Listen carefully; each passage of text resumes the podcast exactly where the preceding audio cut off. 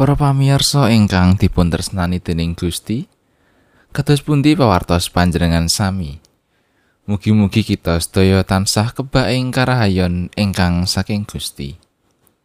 Sugeng pepanggihan malih wonten ing adicara Sabda Winedar, renungan patintenan basa Jawi. Renungan dinten menika kaparingan jejer mungkasi tetandingan.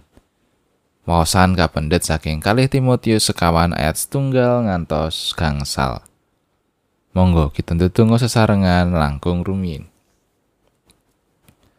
Gusti Allah Rama kawula ingkang dedambar ing kraton swarga mulya. Kawula sowan marek ing ngarsa paduka.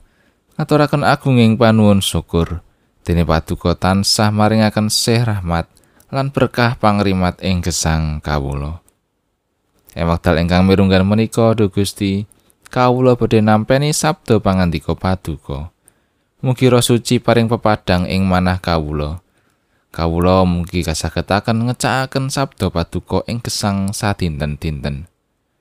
Kawula ugi nyuwun agunging pangaksami.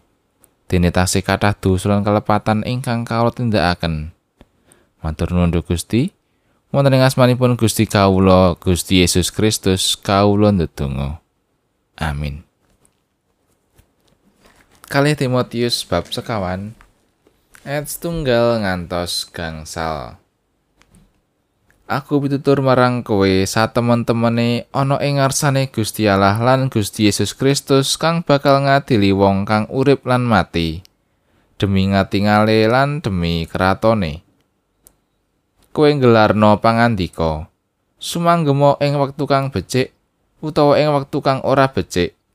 Melehno apa kang luput? Nyrengenono lan mituturana kalawan saking kasabaran lan piwulang. Amarga bakal tumeka ing titi mangsane. Wong-wong bakal ora bisa nampani piwulang kang bener becik maneh. Nanging bakal padha nglumpulake guru-guru kang dikarepake kanggo maremake pepinginaning kupingi. Bakal padha ngingerake kupinge saka ing kayekten lan ngrungokake marang dongeng. Nanging kowe dibisa ngemudeni awakmu ing sajroning samubarang kabeh. Disabar ing sajroning nandang sangsara, nindakno pakabaran Injil lan nglakonana kewajibaning lelati. Makatan pangandikanipun Gusti, ayat saking ayat gangsal. Nanging kowe dibisa ngemudeni awakmu ing sajroning samubarang kabeh. Disabar ing sajroning nandang sangsara, nindakno pekabaran Injil lan nglakonana kewajibaning lelati. Lampahing gesang kita saged kita wastani minangka setunggaling ngulandara utawi petualangan. Ngulandara saben tiyang menika benten-benten, mangkaten ugi pungkasanipun. Menawi kita ningali lampahing kapitadosanipun para tokoh kitab suci. Kita manggihaken anggenipun mungkasi gesangipun inggih benten-benten. Wonten ing kami witi gesangipun kanthi sae, lajeng nglampahi ujian lan mungkasi kanthi sae. Wonten ugi ingkang miwiti kanthi awon, ananging salajengipun mungkasi kanthi sae. Kosok wangsulipun ugi wonten ingkang miwiti kanthi sae ananging wekasanipun tragis. Lampahing gesang lan wekasanipun menika dipuntemtokaken piyambak. Ing waosan kita, Rasul Paulus ngginakaken analogi tetandingan kangge nggambaraken pagesanganipun derek Gusti Yesus. Tetandingan menika wonten tantanganipun. Rasul Paulus berjuang nglawan marupi-rupi tantangan lan pacoben ingkang asalipun saking iblis. Awonipun tiang Yahudi, kekafiran, tumindak awon wonten ing pasamuan. Piwulang Injil ingkang diwolak-walik, guru-guru palsu, kedagingan lan dosa. Ananging piyambakipun ngadepi sedaya menika kanthi setya dumateng Gusti. Ingkang wigati inggih menika njagi kapitadosanipun kanthi sae. Wonten ing sadangunipun gesangipun ingkang boten gampil menika.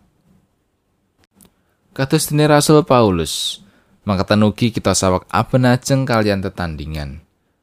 Kadang kalau kita ngerasakan lungkrah, lesah, awit aurating momotan gesang kita, sakit ingkang kita sandang, masalah ekonomi, utawi kegagalan ingkang kita alami. Ing kauntenan kados mekaten kita mboten angsal kecalan pangajeng-ajeng lan fokus dhateng Gusti.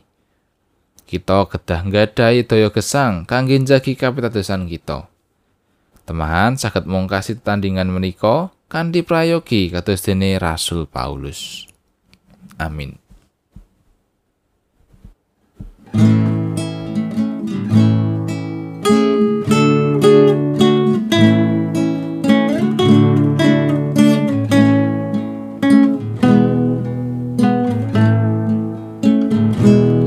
Katur ngarso batu Gusti sawetahing gesang kula jiwa lan raga kula mugi asuneng asta patuko manah kula tansah lipura sumaos mring kang mogwa so